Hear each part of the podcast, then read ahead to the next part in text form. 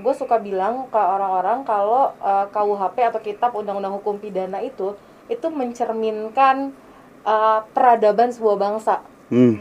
Semakin banyak lo mengkriminalisasi semua tindakan, Hmm. makin sebenarnya negara lo sedang menyatakan bahwa masyarakat gue nggak beradab.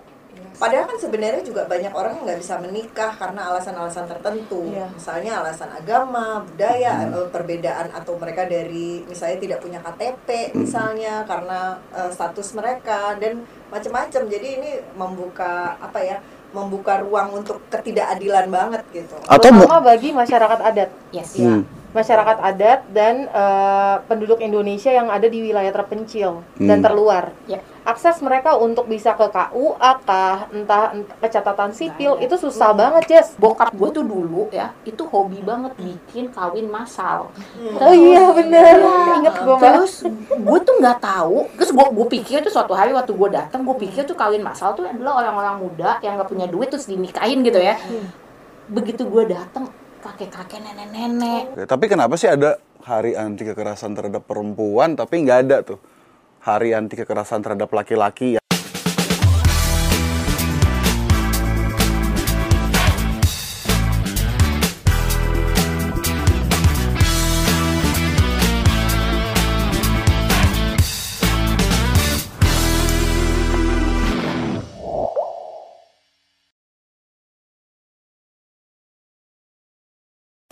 Pagi, selamat siang, selamat sore, dan selamat malam Kapan dan di mana pun kalian ngedengerin ataupun nonton podcast ini Kembali lagi bersama Hamburger Podcast Joke is not a crime Tuh ada logonya di situ Dan selain ada logonya di situ, ini ada C Inai Hai. Dan ada teman-teman lain yang bisa perkenalkan dirinya sendiri Silakan Halo kawan-kawan, apa kabar kawan-kawan hamburger? Aku Tiwi dari YWHI. Salam kenal. Halo, saya Devi dari Magdalene. Dan yang terakhir saya Arlin dari HRWG. Kami sengaja karena kami pengen semuanya tuh mandiri di sini. Betul Berdaya. Mandiri, tapi diskriminatif Karena mereka pakai clip on, gua nggak dikasih clip on Oh kenapa Jess? Lu nggak pakai clip on? Karena dia cowok sendiri mbak. Oh gitu. Hak suaranya dipasung ya? Gak apa-apa. Kamu laki-laki, gitu kamu ya. udah udah udah Kayak biasa. yang dirasain perempuan-perempuan selama ini. Masuk tuh barang mbak. Setuju. Ini memungkinkan nggak kalau gua keluar aja Gak boleh. Bokap ya? Kamu sekarang jadi tahu dong perasaan kami selama ini. Ya kita wawancara Jessie aja kalau kita gimana perasaan lo Jess. Sebagai pelakuan nggak ya? Enggak dong, enggak dong Gila kalau dipelang Nggak semua laki-laki. Ada lagunya tuh. Ya kan? Laki-laki Saiful Jamil. Baru kita mau obrolin apa sih Nggak apa-apa, nggak apa-apa kasih kasih kasih clip on dulu, kasih clip on dulu. Enggak, tadi itu memang sengaja buat gimmick doang di awal. Biar kita bisa ngebully ya. Sambil nungguin clip on, sebetulnya hari ini kita mau ngobrolin apa sih? Ya, seperti ini konstelasi yang terlihat ini. Hari ini kita akan eh, mengepung Jessie, gitu ya. Kita mau ngomongin perempuan, gitu. Mau tukeran? Jess, tengah Jess. Jangan dong. Jangan, gue mesti tutupin perut. Karena gini, Jessie itu sering banget ngomong, ya gue kan laki-laki, gue nggak pernah benar-benar punya apa ya pengalaman gitu, uh, bagaimana perempuan misalnya dibilangnya didiskriminasi dan segala macam. Maka hari ini kita berikan pengalaman itu. Tapi Selamat jadi datang. Memang kenapa hari ini kita mau ngobrol sama Mbak Devi, Pimpret Magdalen, media yang liberal banget.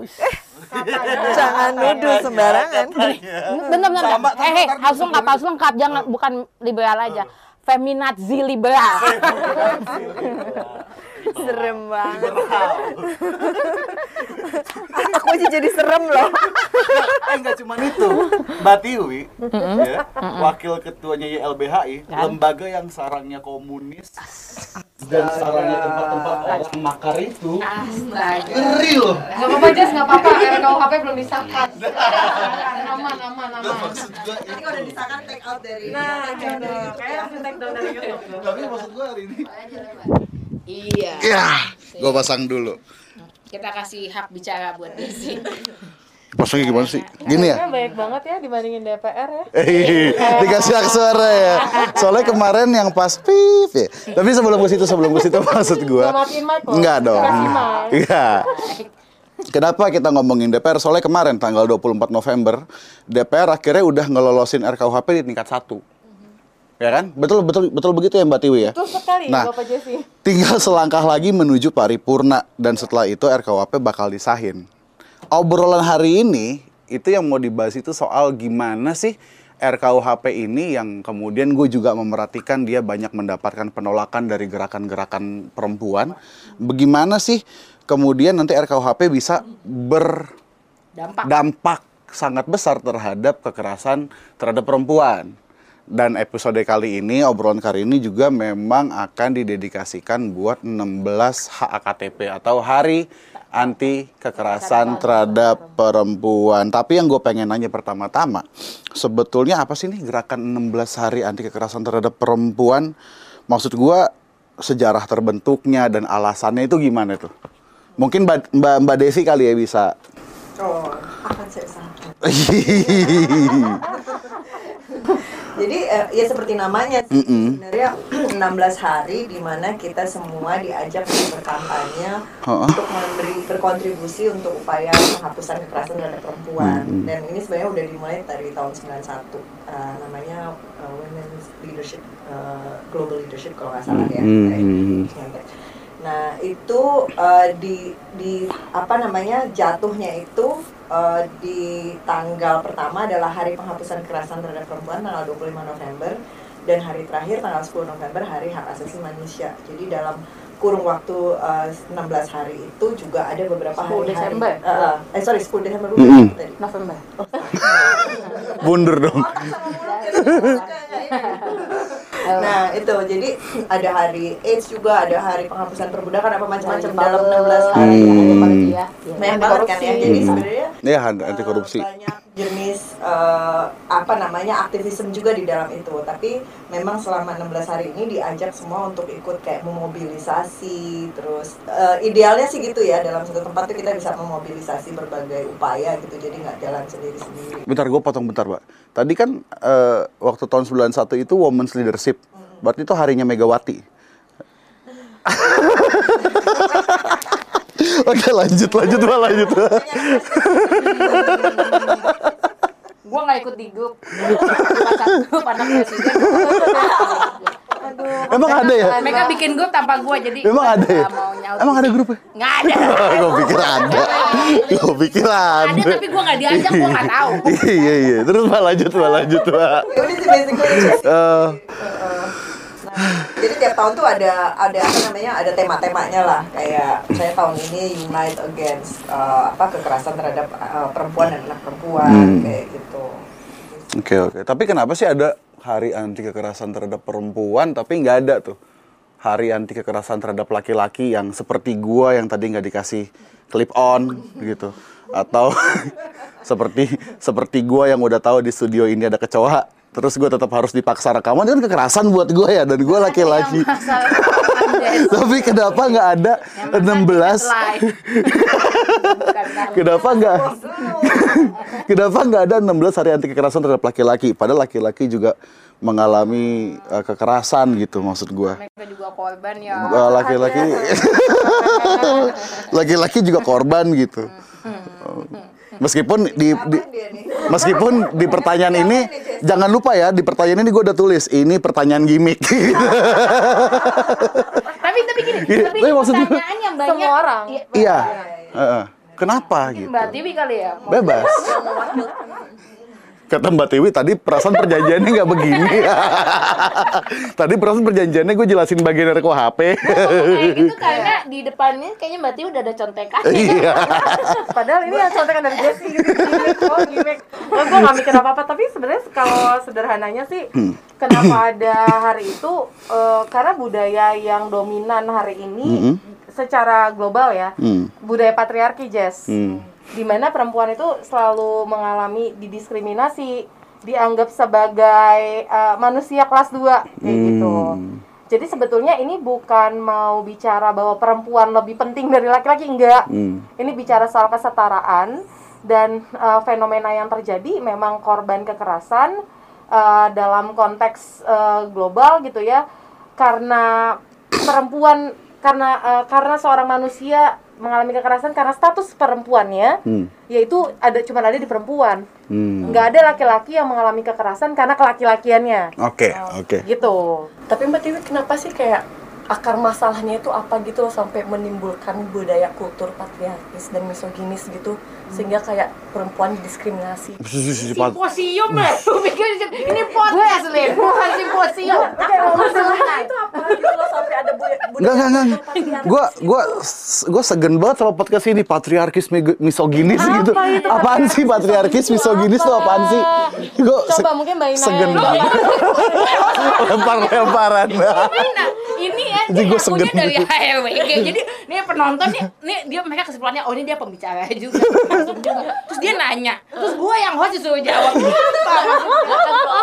Nggak kalau kultur patriarki pasti kan udah banyak yang tahu kalau misoginis tuh kayak seolah-olah perempuan itu dianggapnya kayak terlalu emosional. Jadi ya nggak usah deh pakai jabatan ini yang kayak gitu-gitu gitu. Ini nih nih nih, nih semalam ya, ya. semalam nih yang nonton Max eh, apa sorry, yang nonton Argentina lawan ini Gua nggak nonton. coba gue Poland. coba coba gue dengar nonton lawan eh, lawan Poland ya waktu eh, Messi gagal masukin. Eh sorry waktu Messi kesel gitu karena pas eh, salaman dan bla bla bla bla katanya itu apa namanya eh, terus eh, ini dia dia dia kesel gitu kan terus dia nggak mau salaman gitu. Terus orang-orang tuh pada di komen nyautin gini ih Messi mens ya ih Messi lagi PMS ya? Gitu itu kan oh really? oh iya. wow. Kayak kesannya seakan kan kalau ngambek itu atribusi perempuan doang. Oh. gitu, itu akar masalahnya bisa itu jaga emosi gitu-gitu iya itu Iya sih, labeling ya mbak ya Iya. itu labeling Tapi apakah itu misoginis maksudnya? Itu bagian Iya, dari itu sebenarnya ya. bagian dari Ah. patriarki dikuatkan jadi ada asumsi-asumsi tentang apa itu femininitas apa itu maskulinitas Oke. dan atribusi itu kalau kita nggak memenuhi kayak atribusi itu kita tuh ada ada yang berbeda ada yang Misalnya, lain, ada yang misalnya. dengan kita ya kayak misalnya Atribusi maskulinitas, atribusi feminitas itu kayak gimana contohnya? atribusi eh, maskulinitasnya yang tadi tuh lu takut sama kecoa nah itu lu nggak seharusnya nggak boleh gitu kan lu cowok Oh. lu nggak cewek boleh aja lu kayak cewek lu gitu. Oh, oke. itu konstruksi sosial bagaimana seorang cowok bagaimana masyarakat memandang oh cowok tuh gini Heeh. oh cewek tuh gini nah itulah bahasa sederhananya Cis Atribut. heteromel gitu ya. Nah, nah apalagi tuh cis atau mel tuh, Iya, ya cis kan? apalagi gua kan badan gede brewokan gitu ya. harusnya Takut sama kecoa. boleh takut gitu. sama kecoa. Iya, iya, apalagi iya, iya. misalnya gue yang berusaha untuk nangkepin kecoanya. Lu yang enggak Wah, parah. maksudnya kalah sama cewek. Ya gitu Iya, iya, cewek iya. Nah, Iya, jadi bener. Jadi ju- asumsi. nggak nggak berarti sebetulnya patriarkisme itu dia merugikan si laki-laki sendiri sebetulnya. Ya kan laki-laki nggak boleh nangis, eh buset orang gue pengen nangis, ngapa emang kan gitu ya? bener banget Jess. laki-laki Iya, betul sih. Superman juga bukan gue nggak apa-apa gue nggak apa-apa tapi abis itu banting banting Iya iya iya. bukan lah ya Superman. Tapi nggak, ini belum terjawab. Secara singkat, patriarkisme itu apa, misoginis itu apa itu yang belum gue Ya, dapetin. patriarki semua sumber eh, dari sumber dari semua itu akar permasalahannya itu di patriarki. Jadi budaya yang di mana laki-laki itu sebagai gender yang paling dominan, yang Hmm. menguntungkan, yang berkuasa di semua bidang, mulai dari politik, budaya, sosial, ekonomi dan sebagainya gitu. Dan misogini itu mungkin selangkah lebih maju ya, mungkin dari sisi ekstrimnya. Jadi Hmm. manifestasi dari patriarki itu adalah kebencian terhadap perempuan yang akar eh, salah satu bentuk-bentuknya itu adalah kayak kekerasan, kekerasan terhadap perempuan kayak gitu. Dan ini yang makanya harus ada hari ini gitu loh, Jess, bukannya Berarti patriarki itu kan menga- lu. Heeh, patriarki itu kan menggambarkan laki-laki harus seperti yang kayak alpha male gitu ya. Semacam Ya, itu cowok-cowok yang, dihargai, kerja di Alfamart yang gitu ya. dihargai. Makanya kalau yang nggak kayak Alfamart lu dibully gitu kan. Lu dibully nggak sih waktu dulu? Waktu SD. Ya udah, lanjut lanjut lanjut. Gua ngelawak. Gua gua nggak jelas sih. Lanjut lanjut lanjut lanjut lanjut. Iya iya iya. Jadi lu udah tahu kan jawabnya Udah, kenapa udah, ada udah, hari udah. 16 hari anti Iya, kekerasan terhadap iya. perempuan dan gak ada terhadap laki-laki. Iya betul. Gua udah memahami bahwa Coba diulangi. ini bu ini bukan kelas ya, ya. Ini podcast. Tadi pertama udah Simposium. bukan. Tapi bukan berarti memang benar, bukan berarti laki-laki nggak bisa jadi korban dari Iya, itu iya, semua iya. tadi. Betul, bisa, betul, tetap betul. bisa. Makanya sebenarnya kalau perilaku-perilaku kekerasan dan segala macam itu di apa ya Hmm. eh, kita kita bicarakan untuk eh yuk dihapus yuk gitu. Maka dua-duanya sebenarnya juga mendapatkan keuntungan. Hmm. Kebaikannya tuh buat dua-duanya Hmm. gitu. Jadi bukan cuman ini nih perempuan-perempuan mau balas dendam nih ke laki-laki. Enggak, ngapain balas dendam? Enggak. Tapi itu memang kadang-kadang gua gua nggak ngerti ya. Bahkan dulu gue pernah diskusi sama temen gua yang pada waktu itu gua ngerasa harusnya dia udah ada di level pemahaman yang oke gitu soal patriarki dan apa antitesisnya patriarki gitu. Artinya kan antitesisnya patriarki dalam konteks hari ini kan adalah bagaimana kita memandang semuanya secara setara dan segala macam. Dia bisa ngomong begini, antitesisnya patriarki ya adalah matriarki. Hah? Loh. Jadi antitesisnya misogini adalah misandri. Enggak, enggak. Tapi tapi tapi maksud gua miskonsepsi-miskonsepsi Iya, yang iya. Di ada di kepala para laki-laki ini dan barangkali termasuk gua masih menyimpan residu-residu itu, itu kan nggak bisa dihindari karena bagaimanapun gua dan laki-laki tidak mengalami itu ya. Maksud gua sebagaimanapun ada laki-laki yang kemudian menjadi alay dalam gerakan perempuan, tapi dia tidak menggunakan sepatunya. Ya, Kan gitu ya. Kita cuma bisa berusaha sampai dia di sini nih. Kita paling cuma bisa mendekati paling mentok segini. Nggak bisa benar-benar sampai ngerasain hal yang sama gitu. Ya kan? Nah, makanya kemudian gue pengen tanya nih. Pengalaman-pengalaman empat teman gue yang hari ini di sini yang luar biasa luar biasa ini, ada nggak pengalaman-pengalaman yang bisa di-share atau contoh pengalaman yang kalian tahu gitu soal bagaimana sih eh, diskriminasi terhadap perempuan dalam kehidupan sehari-hari gitu. Yang barangkali di beberapa dari kalian itu menjadi alasan untuk oke gua harus turun ke dalam gerakan hak-hak keperempuanan ini misalkan. Ada berapa Hak perempuan. Makanya gue juga ini mau mulai dari mana ya saking banyaknya. Ini kebetulan waktu tinggal 5 menit lagi. Ini berantem kayaknya. Terserah deh siapa yang mulai duluan. Alin mungkin, Boleh Alin. paling tua. Kalau pelecehan verbal tuh bisa nggak sih? Bu bisa banget, bisa banget. Ini pengalaman sendiri kan. Mm-mm. Jadi pas itu ada acara ya kan eh, di luar Jawa gitu. Acaranya tuh bareng sama Komnas HAM gitu. Nah pas itu kan aku bantu-bantuin kan kayak maksudnya eh, yang ngasih itulah mikrofon dan bla bla bla. Nah pas itu ada tuh ada pegawai daerah gitu jabatannya udah tinggi gitu di sana kan. Nah pas itu aku lagi mau ngasih mic ke dia ya kan karena dia belum dapat mic tuh. Aku pasti tapi kayak gini gitu kan. Terus tau nggak dia bilangnya apa? Ih kelihatan ya masih perawan megang micnya kayak gitu.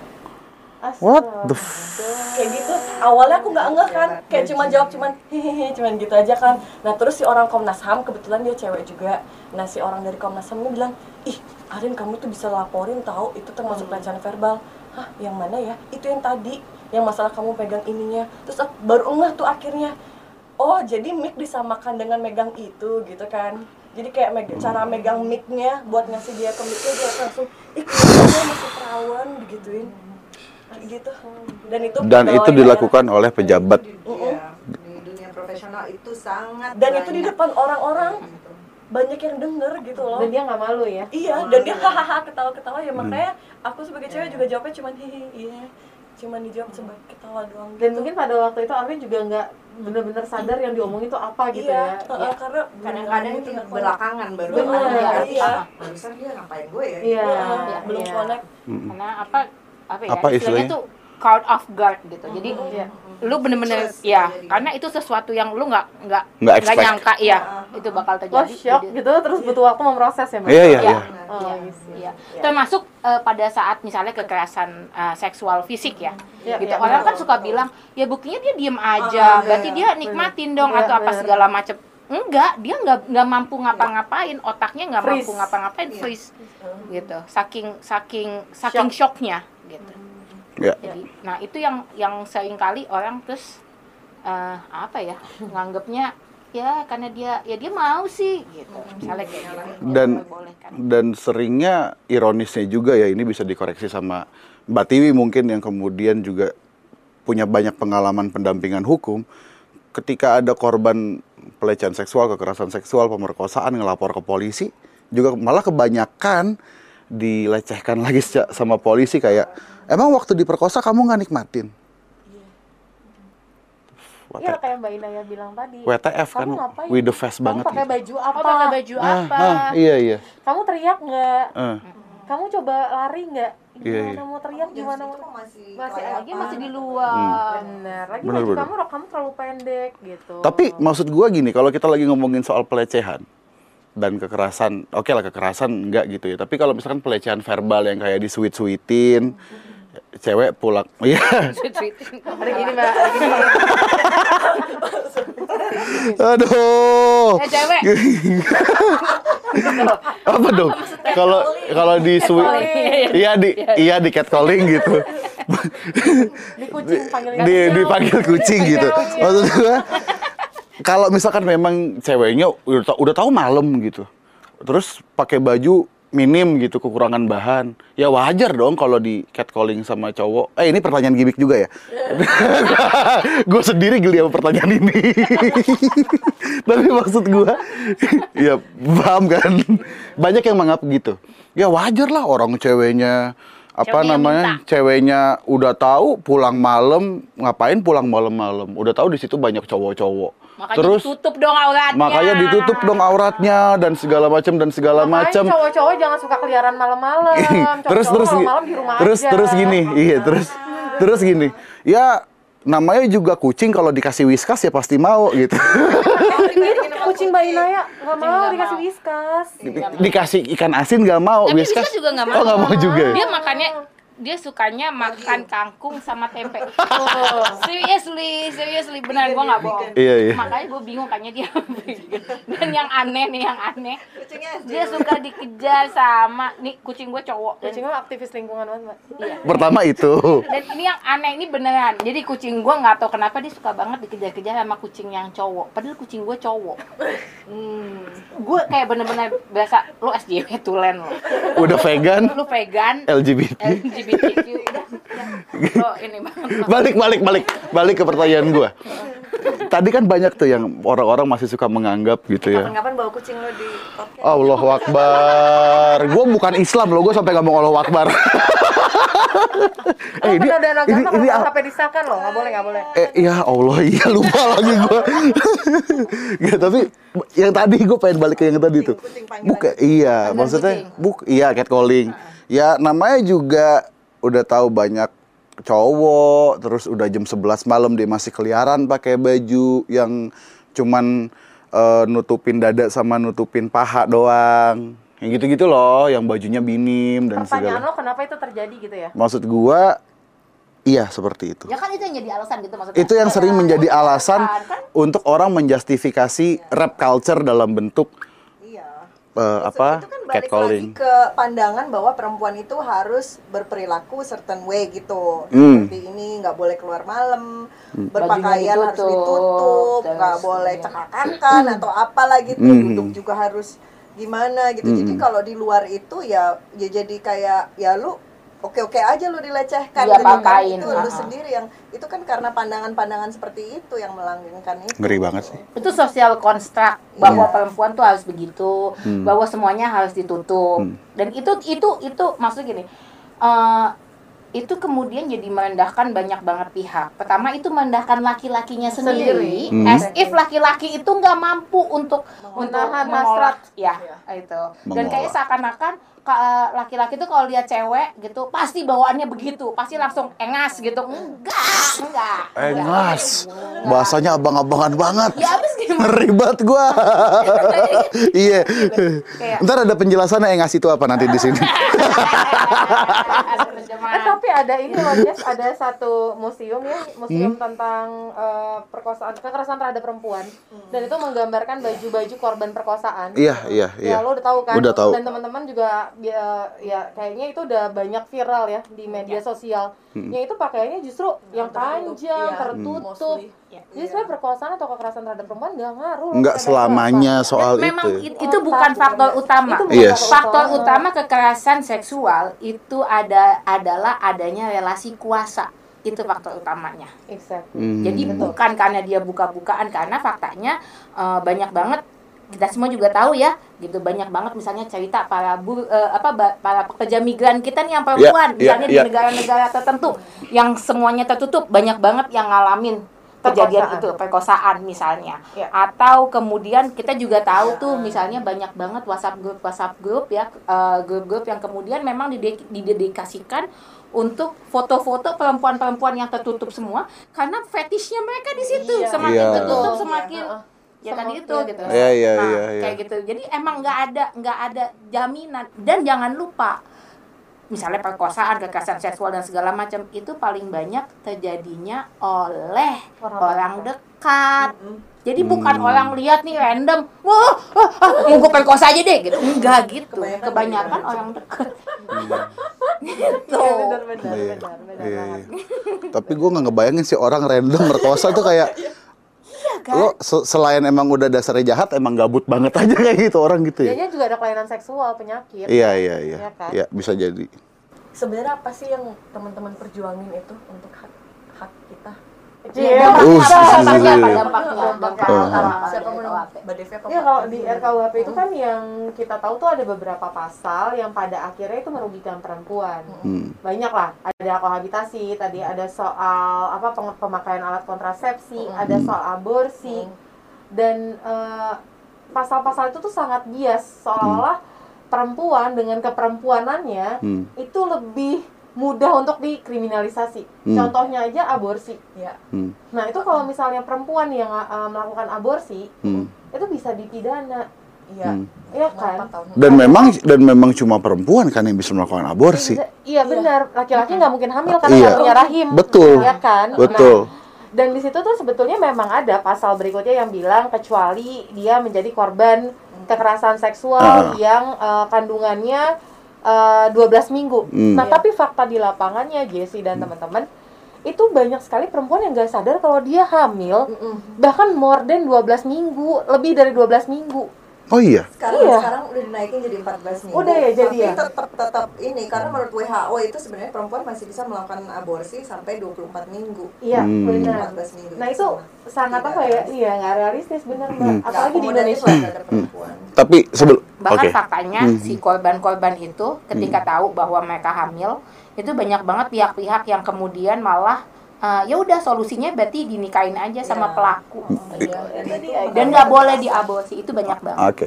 Tapi nggak gue gue pengen bahas aborsi lebih lanjut nanti. Tapi kalau soal kohabitasi tadi tuh apaan sih? Gue nggak ngerti deh. Kohabitasi itu apaan, Mbak? Orang zaman dulu ya bilangnya kumpul kebo. Oh. Atau sebenarnya Emang lagi mau emang lagi emang lagi mau ini kali korban. Jadi kebonya dikumpulin. Ih, Kurban. lama-lama kita jadi ya. Kita jadi korban aja sih emang. jadi uh, hubungan uh, pasangan gitu di luar pernikahan yang tinggal dalam satu rumah atau Hmm. tempat gitu Hmm. dan itu dianggap uh, itu di, uh, bisa dikriminalisasi gitu Hmm.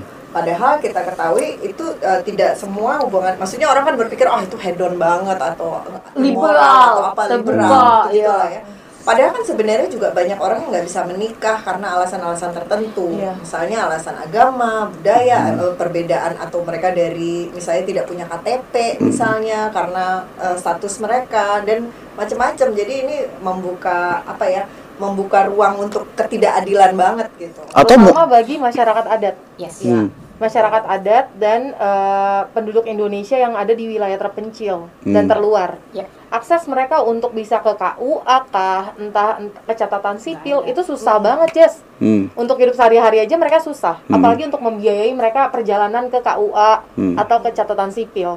Nah, itu kan bisa mengkriminalisasi mereka sebetulnya. Oke. gue mau cerita pengalaman gue dikit ya soal itu. Bukan soal kohabitasi bukan. Eh, tapi gini maksudnya kenapa itu itu eh, apa pasal itu be- berpotensi jadi apa ya jadi jadi kejam gitu. Ya kayak tadi itu. Ini ini karena sering nggak nggak nggak nggak hanya kadang-kadang kita ngeliatnya oh ini kan karena ada eh, mereka melakukan zina apa segala macam gitu-gitu tuh. Yang yang di dalam kepala adalah orang-orang yang suka sama suka di dalam apa namanya kos-kosan atau apa gitu. Ya makanya mereka pantas digeber dan apa segala macam. Tapi cuma pengen ngasih tahu bahwa ada banyak kelompok lain yang sebenarnya terdampak nantinya gitu. Iya. jadi gue mau mau cerita bokap gue tuh dulu ya itu hobi banget bikin kawin massal Oh iya bener. Iya. Ingat gue terus gue tuh nggak tahu. Terus gue gue pikir tuh suatu hari waktu gue datang gue pikir tuh kawin massal tuh adalah orang-orang muda yang nggak punya duit terus dinikahin gitu ya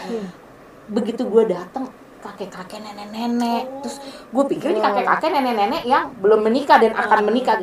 Eh, maksudnya eh, apa namanya yang ini masih sama-sama single terus ditemuin enggak itu mereka datang sama keluarganya sama anak-anaknya sama cucu-cucunya. Terus gue bingung "I- ini maksudnya apa? Ternyata itu adalah orang-orang yang nggak mampu Bener. untuk bisa dapat akses ke KUA dan segala macam.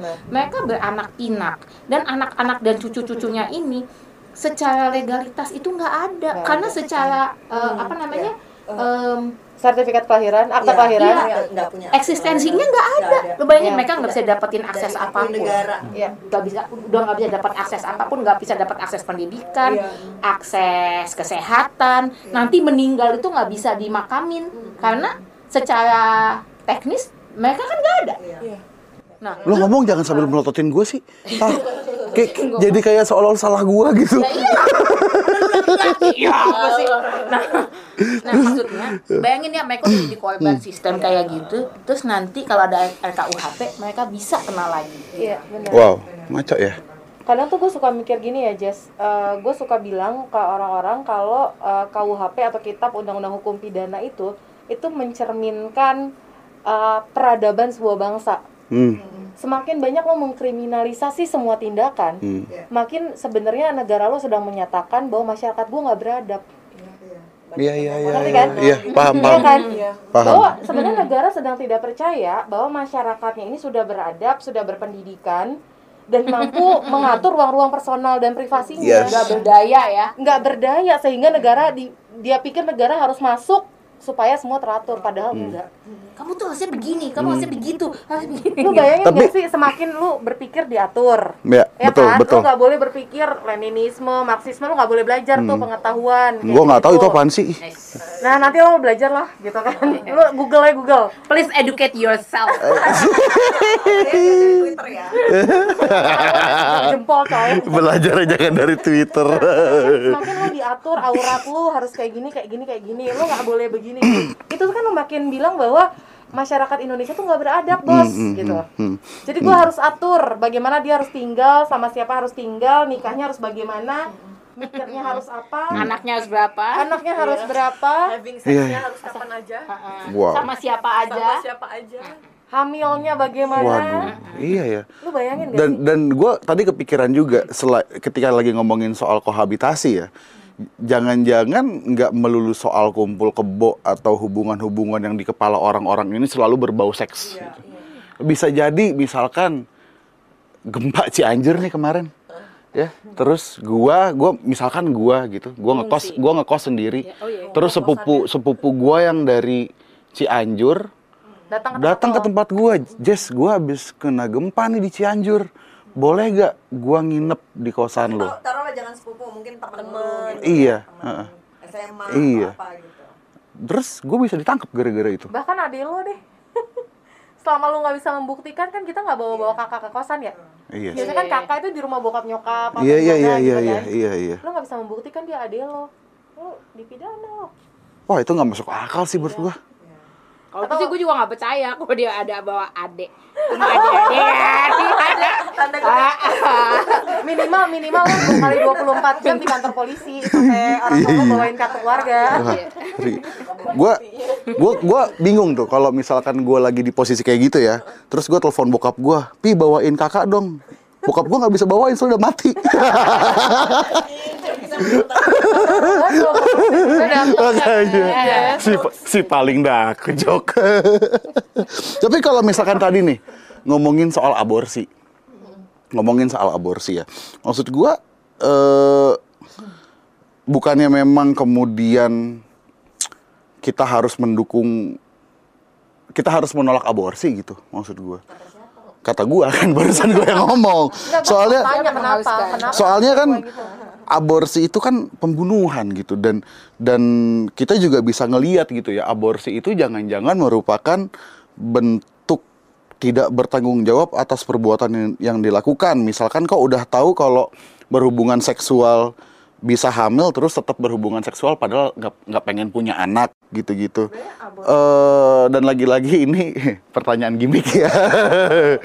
gua nggak gua nggak redo memposisikan diri gua. Kayaknya, kayaknya nanti di podcastnya harus ditulis semua pertanyaan Jessie gimmick. Dia sih nggak gitu kan.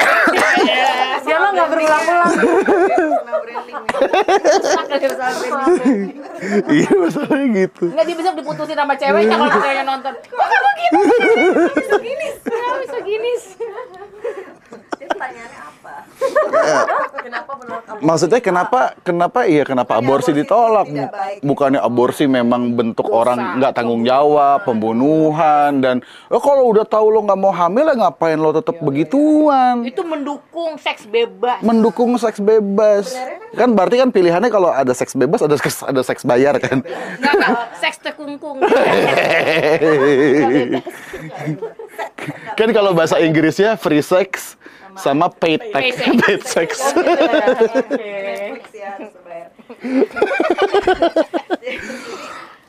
Kalau ngomongin soal aborsi itu kan ngomongin soal kehamilan yang tidak diinginkan Hmm. atau kehamilan tidak direncanakan. Ini kita ngomongin data aja ya. Hmm. Di Indonesia Hmm. 40% dari kehamilan itu adalah kehamilan yang tidak direncanakan. Hmm. 40%. 40%. Dan eh, dan dari 40% itu kebanyakan tidak diinginkan. Mhm. Dan kita ngomongin bukan pasangan yang melakukan tadi ya free sex, free sex, Mhm. free sex gitu ya. Kita ngomongin keluarga, orang tua yang sudah punya anak, mungkin dua atau tiga, yang sudah tahu bahwa kapasitas ekonominya udah nggak mungkin lagi membiayai anak, atau orang mungkin yang baru membangun keluarga, atau orang yang eh, dalam kasus tertentu eh, adalah korban kekerasan seksual. Jadi banyak banget nih kalau kita ngomongin soal aborsi. Nah, yang tidak adil dari ini adalah memandang aborsi itu dari kacamata moral. Kan kita sebagai kalau harusnya pemerintah negara itu kan harusnya me- apa namanya moral itu di luar ini ya, eh, di luar eh, kalau ngomongin soal legal itu kan harusnya moral berada di- ada di luar itulah. Paling tidak yang dilakukan adalah menjamin eh, keamanan dan eh, apa hak-hak mereka untuk hidup dengan aman, sehat dan sebagainya. Dan ini sama sekali tidak karena dalam eh, apa dalam kasus tertentu juga selain kehamilan tidak diinginkan juga aborsi itu kan juga bisa karena kesehatan. Jadi berapa persen nih 40 persen dari masyarakat atau perempuan yang hamil yang tidak direncanakan atau tidak diinginkan ini akhirnya didinai gitu haknya untuk bisa sehat. Karena eh, akhirnya kalau orang butuh aborsi biasanya akan akan aborsi kok dan mereka akhirnya mengambil jalur yang tidak legal jalur Iya, yang iya. tidak aman akhirnya mempengaruh- berdampak ke kesehatan mereka kadang bisa kematian juga Tapi gua nggak masuk nggak masuk di kepala gua gitu kalau ada orang yang menolak hamil lagi karena alasan ekonomi. Karena kan kata orang-orang anak itu adalah rizki. Bor, ini Bor. Aduh, Ini Bor, sini. ini kamu anak kami. Kamu kan, Aku kamu anak semua. Lo kan rizki sini. biologis Gua tuh Kebayang semua anak di Indonesia rizki semua. Ya. ntar, ntar, ntar harus kita masukin di editing fotonya Rizky. Dan banyak anak-anak. Dan banyak. Oh ya rame gitu. Eh tapi Jess, Iya, iya, iya, iya, iya. nyokap gue tuh dulu waktu kalau nggak salah gue lupa gue lupa deh itu tesisnya nyokap gue apa apa bukan ya maksud gue gue lupa tapi dulu nyokap gue salah satu penelitiannya itu Hmm. adalah yaitu eh, perempuan-perempuan yang di daerah Hmm. anaknya 23 20 15 Dua tiga itu maksudnya dua puluh tiga. Gue pikir dua tiga itu dua sampai tiga gitu. Dua puluh tiga.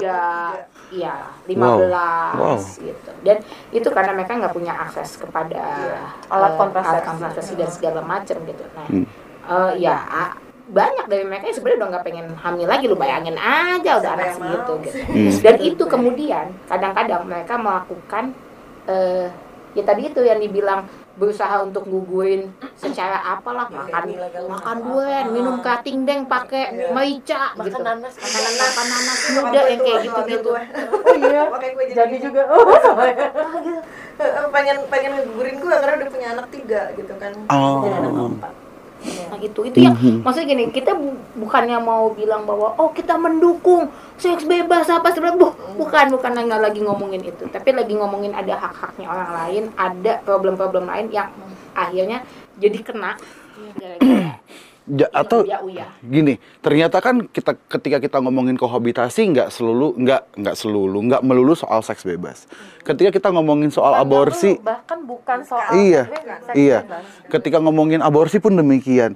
Jangan-jangan ketika mereka selalu mengaitkan semuanya dengan seks bebas, memang isi kepala mereka aja yang kotor. Nah, itu yang pertama. Yang kedua, Iya kan? Jess, yang memalukannya artinya adalah kebijakan atau peraturan perundang-undangan di Indonesia itu dibuat nggak berdasarkan riset. Oke. Kalau lo pakai, kalau lo bikin KUHP berdasarkan riset data nih, gimana sih kondisi masyarakat Indonesia? Aha. Lo akan dapet tuh angka-angka yang tadi dibilang sama Mbak Devi. Ah. 40% kehamilan itu di luar eh, rencana. Ah. Terus mereka tuh sebenarnya harus riset berapa sih angka kematian ibu dan anak akibat kehamilan yang tidak direncanakan itu. Berapa banyak sih perempuan yang meninggal atau terharmful atau sakit gara-gara maraknya aborsi ilegal. Pernah di LBH Jakarta gue nanganin kasus. Hmm. gara-gara dia dia pacaran sama pacarnya nih cowok cewek ya pacaran melakukan hubungan seksual dia hamil memang tapi mereka akan menikah cuman mereka tidak siap punya anak gitu ya. Akhirnya mereka m- sepakat untuk menggugurkan. Tapi sebenarnya si ceweknya juga nggak mau. Tapi itu terpaksa. Berat keputusan Gitu. itu sekali itu terpaksa gitu. Akhirnya tau nggak ke mana. Ke itu klinik klinik klinik aborsi yang ilegal. Iya, dan lo iya. tau dia bleeding? Bleeding itu aduh gue nggak paham lagi waktu dia cerita. Gue sampai diem gue nggak bisa berkata-kata. Karena dia painful dia bilang tuh sakit. Gitu. Dan itu bleeding selama berdua hari lu bayangin. Dimasukin alat ke dalam vaginanya. Lu bayangin ya teman-teman itu karena kalau dia mau aborsi ke rumah sakit yang aman, dan lain sebagainya dia nggak punya akses gitu. Bayangkan kan Dan belum tentu mau. dan itu pakai alat Oke, aku punya temen gitu kan, dia pernah aborsi juga dan itu pakai pil itu udah sesakit itu kata dia gitu loh. pakai pil sakit. sesakit itu. Ini si klien yang dibawa pakai alat mbak dimasukin apa cocor bebek itu sengaja dimasukin biar infeksi kan. Biar akhirnya si apa namanya si fetusnya itu akhirnya ini apa Hancur. namanya iya bisa bayangin kan. Gue pas denger tuh kayak terus apa yang lo lakukan tapi saking dia kesakitannya tau nggak sih pas dicabut dia langsung kabur bleeding bleeding dia kabur dan nggak ada di situ pacarnya yang menemani nggak ada Karena takut ketangkep apa gimana? Iya. Enggak, karena emang dalam eh, apa namanya klinik-klinik aborsi ilegal, lu nggak boleh ditemani siapa pun. oh biar nggak ada saksi gitu ya kali ya Itu dia. Salah satunya Iya, iya, itu. Dan maksudnya itu aneh? Klinik aborsi ilegal. ilegal. iya ilegal Semua. Maksudnya karena nggak ada yang legal kan? Iya, Ada, Mbak. Tapi itu rumah sakit. alasan Rumah sakit, kesehatan iya. sama ini Maksudnya bukan Oh, oke, bukan khusus klinik, iya. nah satu lagi nih Dulu di Cikini ada, Mbak. Ya, gue pernah ngeliput di daerah dekat-dekat sini. Iya, Dan itu itu, itu legal. legendaris banget Oh, legendaris oke. banget tuh Gue juga ilegal. Gimana, gimana? Saleh itu, Mbak. Ah. Ada. tuh. Gitu. Nah, eh, ngomongin soal ini kontrasepsi ya. Tadi kan salah satu kenapa eh, tidak apa namanya kehamilan tidak diinginkan tuh karena kontrasepsi lack eh, atau nggak ada akses ke kontrasepsi. Yang kedua juga sebenarnya ini secara universal ya, terutama di negara yang masih patriarkal. Keputusan kontrasepsi itu terkadang masih ada di pihak laki-laki. Iya. Padahal yang hamil yang kena konsekuensinya perempuan. Jadi misalnya kayak eh, laki-laki eh, apa namanya nggak mau pakai kondom misalnya ya atau eh, Vasektomi. eh, Atau dia nggak mau nggak bolehin si nggak boleh istrinya untuk istrinya, KB dan betul, segala macam. Betul, nggak boleh Hmm. istrinya untuk KB atau nggak meluangkan waktu untuk atau nggak meluangkan budget gitu untuk karena dia nggak mau juga. Nah salah satu itu vasektomi. Vasektomi itu sebenarnya kan eh, satu cara yang paling mudah dan bisa di reverse ya. Jadi kalau laki-laki di vasektomi dia masih bisa di reverse, nggak kayak perempuan kalau di steril. Tapi di rumah sakit sendiri masih banyak dokter yang nggak mau melakukan itu. Iya. Jadi ketika melakukan itu mereka akan nanya, yakin nih? Eh, even kalau perempuannya mau sterilin juga, ini bu yakin. Jadi seakan-akan kayak Suaminya mana? eh, lu harus repro, lu harus ini dong ber, mereproduksi gitu, bereproduksi gitu. Dan tugas ki- kita nggak nggak bisa memberikan lu kebebasan itu. Bahkan perempuan sendiri nggak bisa mengatur itu. Jadi makanya Perempuan bahkan tidak otonom atas tubuhnya sendiri akhirnya ya. Yakin nih? Enggak sih, lagi tadi lagi iseng aja. Mungkin Dan memang Steril. konteks Indonesia menurut gua agak unik ya, Jess. Karena kalau di Amerika Serikat kan campaign yang dimunculkan pro choice sama pro life. Ya, ya, ya ya. kan? Kalau lu tidak mengizinkan aborsi, artinya lu pro choice, lu Mm-mm. dianggap pembunuh dan lain sebagainya. Mm. ka- kalau lo menolak aborsi lo pro life, Pro-life, artinya pro ya. kehidupan. Iya, iya, iya. Nah ternyata untungnya menurut gue untung ya di Indonesia tuh nggak se nggak Ekstrim se itu. nggak bukan nggak se ekstrim ya? mbak menurut gue nggak sebodoh itu melihatnya Oh, iya. Hmm. Nggak gitu sesimpel nggak itu ya. sesimpel itu melihatnya karena bicara aborsi itu bukan cuma soal lo lo setuju orang hidup atau mati enggak Hmm. kompleks gitu di dalamnya dan menurut gue Indonesia tuh ber- beruntungnya femin eh, ya aktivis-aktivis perempuan dan eh, feminis-feminisnya itu mengerti bahwa ini bukan soal pro life atau pro choice Hmm. ini soal bagaimana kesehatan terhadap perempuan, bagaimana seorang anak juga bisa dibesarkan dengan baik gitu kan, Mhm. karena orang tuanya plan gitu. Betul. Iya.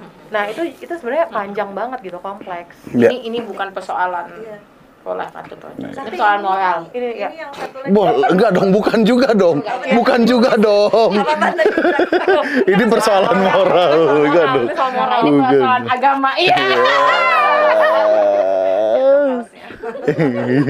Jangan bawa-bawa syariat Ngeri kalau buat ya. muasin syahwat. Dengar tuh. Lu berurusan dengan itu ya. Ini syahwat banyak loh. Syahwat kekuasaan. Iya iya iya iya betul betul betul betul. Tapi ini balik lagi ke kontrasepsi. Ini ironisnya juga RA RKUHP ini juga salah satunya adalah melarang itu pendidikan eh, Seks. Exactly, exactly. Itu yang gue itu yang gue pengen nanyain.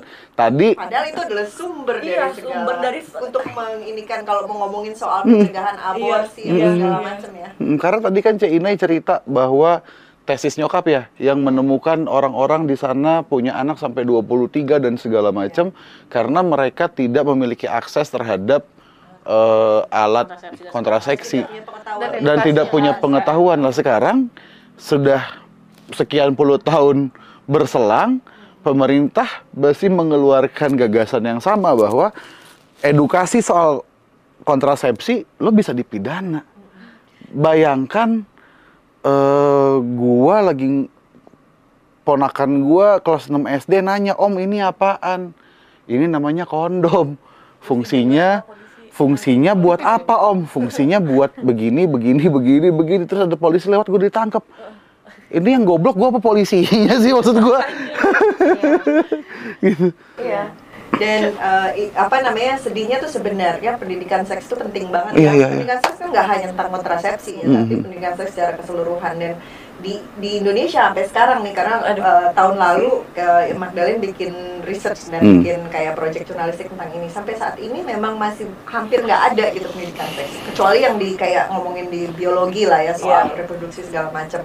Nah eh, eh, jadi akhirnya eh, tanggung jawab ini diberikan kepada kayak komunitas-komunitas yang berbasis eh, apa namanya organisasi atau komunitas gitu yang eh, atau ya organisasi Institusi agama. institusi agama juga kalau misalnya nggak nggak terlalu tradisional ya nggak terlalu apa namanya kolot gitulah. Nah itu nanti mereka bisa menjadi bisa dikriminalisasi gitu padahal mereka tuh mengambil alih tanggung jawab yang tidak di, di, di- Ditanggung oleh negara. iya betul gitu Dan waktu itu aku ingat ya LBH Jakarta bersama teman-teman jejaring Mbak ngajuin uji materi ke Mahkamah Konstitusi Hmm. untuk memasukkan eh, edukasi seks itu ke dalam kurikulum pendidikan Hmm. dari mulai Iya. pendidikan dini gitu ya. Hmm. Dan itu ditolak waktu itu oleh Mahkamah Konstitusi. Salah satu alasannya yang aku ingat adalah pendidikan seks itu adalah tanggung jawab keluarga. Hmm. Nah sekarang gue tanya, lo diajarin nggak sama nyokap bokap lo tentang seksualitas? enggak Gue aja enggak. lu aja yang paling muda nggak ya Gue dulu belajarnya manual sih.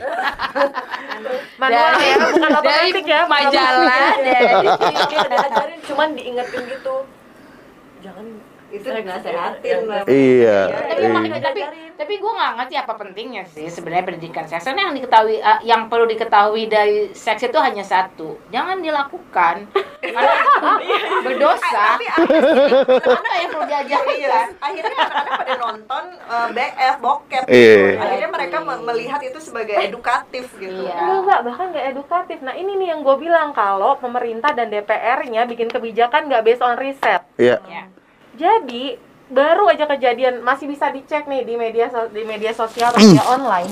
Ada tiga orang anak, anak nih anak usia anak ya, tiga orang apa lima orang gue lupa. Hmm. Gara-gara nonton video bokep, Hmm. dia melakukan kekerasan seksual ke anak lainnya. aduh Iya. Jadi mereka mau praktek learning by doing, coba bayangkan. Iya. bokep-bokep zaman sekarang kan banyak mengandung kekerasan ya Betul. saya kira di sosial media ya Bukan hanya nonton ya. hanya karena Nonton. ini di sosial media hanya karena ada tulisannya di situ ini konten 18 plus ya. Terus otomatis misalnya kalau gua anak kelas 5 SD terus gue kayak oh ini 18 tahun. Ah, enggak deh aku kan punya kesadaran yang baik.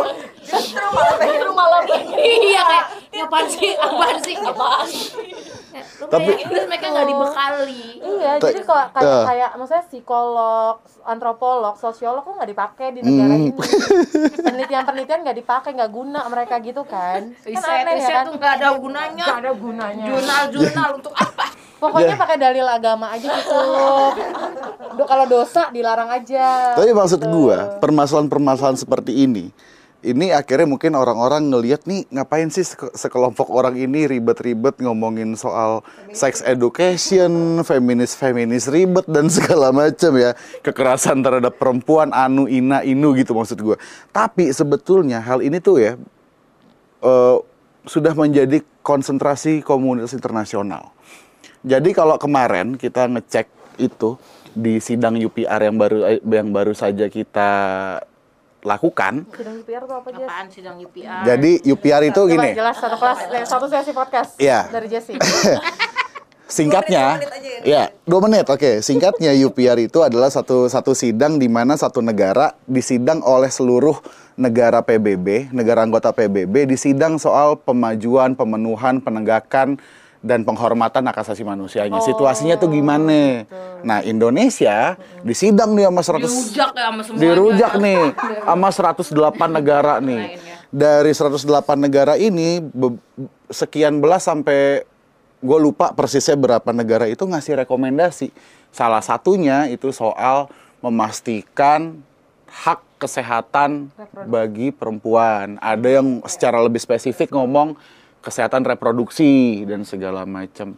Jadi ini bukan barang yang sepele gitu maksud gua. Ini barang yang memang udah jadi pusat internasional dan hari ini yang dilakukan pemerintah adalah untuk semakin mempermalukan dirinya di komunitas internasional itu. Bener, kalau- Ketika dia tetap ngotot mau sahin RKUHP tandanya. Bener banget dan kalau ingat soal Soekarno, Hmm. kalau kita ingat eh, Hari Ibu ya, Hari Ibu tanggal berapa sih Jess? Gue lupa deh. 22 Desember. Iya. Itu kan sebenarnya kalau lihat sejarahnya ya. Iya, gua tahu, gua paham. Tahu kan Iya, kalau iya, iya. gimana Soekarno sebetulnya lagi berpikir bahwa perempuan itu punya peran yang besar dalam menentukan arah negara. Betul. Jadi bukan cuma urusan dapur, Ah, ah, kasur, sama apa sih? Sumur, tiga ur, tiga ur ya. Iya kan, dulu kan gitu kan dikenalnya kayak gitu. Nah, tapi peringatan 22 Desember itu diingat diingetin lagi nih bahwa perempuan tuh punya peran penting Betul. untuk mengedukasi ya generasi-generasi Karena 20 generasi bangsa ini. 22 Desember itu adalah Hari Kongres Perempuan, Perempuan Indonesia, Indonesia. pertama tahun 1928. Bers- bersamaan sama 20 sama Sumpah Pemuda Sumpah setelahnya tuh. Iya. Nah, itu Jess, makanya menurut gue Tapi kemudian di era Soeharto dia di Didomestikasi. di di iya di dom. Keba- kembali menjadi ibuism. mengalami peorasi ya Di- kan? iya, di Hari peora. Ibu. Hari Ibu sebagai ibu yang Sebagai melahirkan dan mother. mengerjakan urusan-urusan domestik. Benar. Karena perempuan itu baru menjadi eh, seseorang, menjadi mulia, menjadi Ketika- punya nilai ketika dia jadi ibu. ibu. Iya. Ibu which is punya anak ya, Mbak? Punya anak. Maka Dan melahirkan sendiri. Nah. Eh, eh, kata tidak sesa. dan, dan disusui. Nggak. Maka Kalau orang Batak satu lagi dan punya dirawat. cucu. ah iya kalau orang Batak ya sepakat. dan dirawat sendiri. Eh. Pak sambil bekerja. Iya, di rumah aja, aja. fokus. Makanya kemudian gagasan Soekarno soal peran peran perempuan dalam menentukan arah negara ya Ya. itu digenapi oleh Megawati menjadi presiden. Gua koprol lu. Makanya Megawati Soekarno Putri. Enggak itu di negara yang gua nggak tahu di mana. Wakanda, Wakanda. Wah bisa ini loh, bisa perbuatan tidak menyenangkan loh. Oh, iya. Pencemaran nama baik loh, Jess. Hati-hati Jess. Kan kalau yang tercemar kan tinggal dicuci lagi. Oh, iya, Lagi pencemaran nama baik orang-orang pada repot ya mereka-mereka itu pencemaran lingkungan diam-diam aja. Jadi apa yang harus kita lakukan terhadap RKUHP? Demo. Eh. Langsung call to action banget nih. sebenarnya harus dilakukan ya bilang DPR berhenti. Hmm. Tapi kalau kita ngomong nggak didengar, ya kita nggak cukup ngomong, Hmm, ya kan harus aksi. Pembangkangan sipil. Yang menarik, yang menarik. Jadi dong. Civil disobedience. civil disobedience. Jadi buzzer-buzzernya pemerintah dan DPR sekarang sedang mengkooptasi, cah mengkooptasi. Apa sih kooptasi Jess? Merebut Jelaskan dalam dua menit, satu menit aja. Enggak, enggak usah. Merebut gitu. Merebut, ya. merebut. Bahasa-bahasa yang selama ini dipakai oleh aktivis-aktivis. Hari ini eh, hashtag yang lagi rame oleh buzzer-buzzernya pemerintah dan DPR untuk mendukung RKUHP adalah karena kita butuh eh, karena kita butuh KUHP yang baru. Karena kita perlu menghapuskan KUHP yang kolonial katanya. Wih, ngeri bener. Padahal produknya dia lebih kolonial. Jadi Emang kita butuh baru, tapi butuh baru ya harus yang lebih bagus. Betul. dong. Harus lebih baik. ya, ya, bukan ya. sekedar upgrade itu lo ibaratnya lo minta mobil baru Hmm. di zaman sekarang ini atau di oh, misalnya lo minta handphone baru Hmm. Tapi lo dikasihnya Nokia yang warna-warni zaman kan anjing tau gak lo Iya, iya. yang gede banget Iya, tahu, tahu. lo mau nggak Jess? Enggak lah. bukan atau nggak minta handphone baru tapi yang dibelinya second Eh, nah yang penting baru yang kan Iya. baru baru buat lo second dan itu lebih jelek fungsinya nah itu memang konyol ya menurut gue ya Iya. jadi yang harus dilakukan apa nih Jess? apa tergantung Jessie sih Jangan dong. Atau Hah? atau kalau enggak gini aja, pertanyaannya gue ubah. Satu kata soal tentang RKUHP, satu-satu dah, mulai. Tunda. Kalau jorok ribet kan ya kalau gua ngomong kasar ya. Enggak apa-apa. Enggak, gue enggak, enggak. harus satu kata banget nih Ya terserah deh, tiga kata juga nggak apa-apa. satu frase satu frase Satu frase juga nggak apa-apa. Satu kalimat, satu paragraf. Satu kalimat juga nggak apa-apa. Kalau satu paragraf gue pulang. Kalau dielaborasi nggak boleh. Nggak boleh. dari siapa dari yang ya Heeh. ini tubuh kami Wih. Oh jadi RKUHP adalah tubuh lo? Enggak kan gue pertanyaan gue satu kata, satu kata atau satu frase soal RKUHP. oh, soal Eh KUHP yang sekarang kan ya? Yang yang kan? uh, bentar mikir dulu gue aja Jess gue udah Ya, tak ya, ya, ketemu ya. ya udah. tunda Wis, oke. udah udah jelas callingnya tunda Tunda, oke. Iya. terus yang lain masih mikir Tunda dan direvisi lah. Maksudnya kalau cuma ditunda doang. Iya benar. Udah, ya udah dua minggu lagi kita yang nggak mau juga gua, tapi tetap draftnya sama. Enggak. tunda revisi buka partisipasi publik Wih, cakep. Ya. Itu penting. Itu libatkan publik sih. Libatkan publik. Ya. tapi libatkan publik nanti lu diundang ke DPR semua didengerin abis itu disahkan gimana tuh Eh, kayak undang-undang yang mana? Jadi jadi jadi Eh, undang-undang yang mana? Undang-undang hampir ini semuanya. enggak i- ini tuh sebetulnya dimaksudkan menjadi closing. Tapi dielaborasi lagi nih gimana nih maksud gua? Emang udah, emang udah selesai. Udah urusan negara lihat lihat lihat lihat udah dikasih 57 menit. lagi lagi Bukan. Jangan mengaturku, Rizky. Paham atas kami. kami Mungkin kalau ngomongin soal pelibatan menggunakan termanya meaningful participation. meaningful participation yang Itu- artinya Ya, pelibatan tapi yang kan penuh makna gitu. Kalau secara literal artinya ya kontribusinya harus di iniin. Masuk gitu. Berdasarkan diakomodasi. riset, Heeh. berdasarkan data, Data. dan keadilan buat semuanya. ya ya ya Oke. ya ya Dari lo sendiri apa? Kalau dari gua, kalau gua itu kemarin sudah menyepakati sama teman-teman kampanye, call kita adalah tolak pengesahan RKUHP. Jadi yang ditolak bukan RKUHP-nya, bukan gagasan bahwa kita butuh RKUHP baru, bukan. Tapi pengesahan yang saat ini itu harus ditolak karena secara substansi dia masih sangat ber apa namanya dia masih sangat bermasalah dan eh, nanti sebetulnya teman-teman kampanye RKUHP sudah bu sudah membuat semacam buku putih atau semacam kitab suci soal kenapa kita harus menolak RKUHP yang bermasalah ini. Di dalamnya ada penjelasan soal bagaimana dia cacat secara prosedur, di dalamnya ada penjelasan soal sekian belas klaster isu yang bermasalah dari sekian puluh pasal, lalu penjelasan kenapa itu berbahaya. Nanti akan disertain di caption video ini. Itu. Oh, yang pasti karena Jesse pro kolonial. semua berarti just buku putih itu nanti akan dituangkan ke apa hal-hal yang sederhana mudah dimengerti publik kan Yes, ya? pastinya. Nah, terus abis itu apa yang bisa publik lakukan nih bukan aktivis ya Betul. ya, Ada- publik. Lakukan harus ngapain Jess? Jangan ditanya ke gua.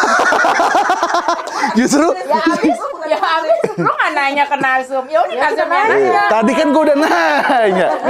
Jadi Apa iya. yang kami lakukan? Iya. Jadi apa yang bisa kita lakukan bersama-sama menurut teman-teman? Nah, Ya kalau kita mah udah main-main aja lah ya. Iya. Karena kalau nggak bisa di Iya. tunda- tunda- betul. bersuara, bersuara, punya apa bisa pakai lewat jempolnya Betul. bisa cek bisa bisa bersuara lewat mana aja educate teman-teman yang belum tahu problemnya di mana Ya. share itu juga jadi banyak banget yang bisa dilakuin dapetin dapetin informasi dari yang ini sih yang benar gitu ya yang Betul. ya bukan dari buzzer Dan Bukan kalau nggak dari ngerti ya cari tahu. Yes. Ya kan? cari tahu dengan jarimu Cari tahu. Iklan zaman dulu banget Cari tahu dengan jarimu.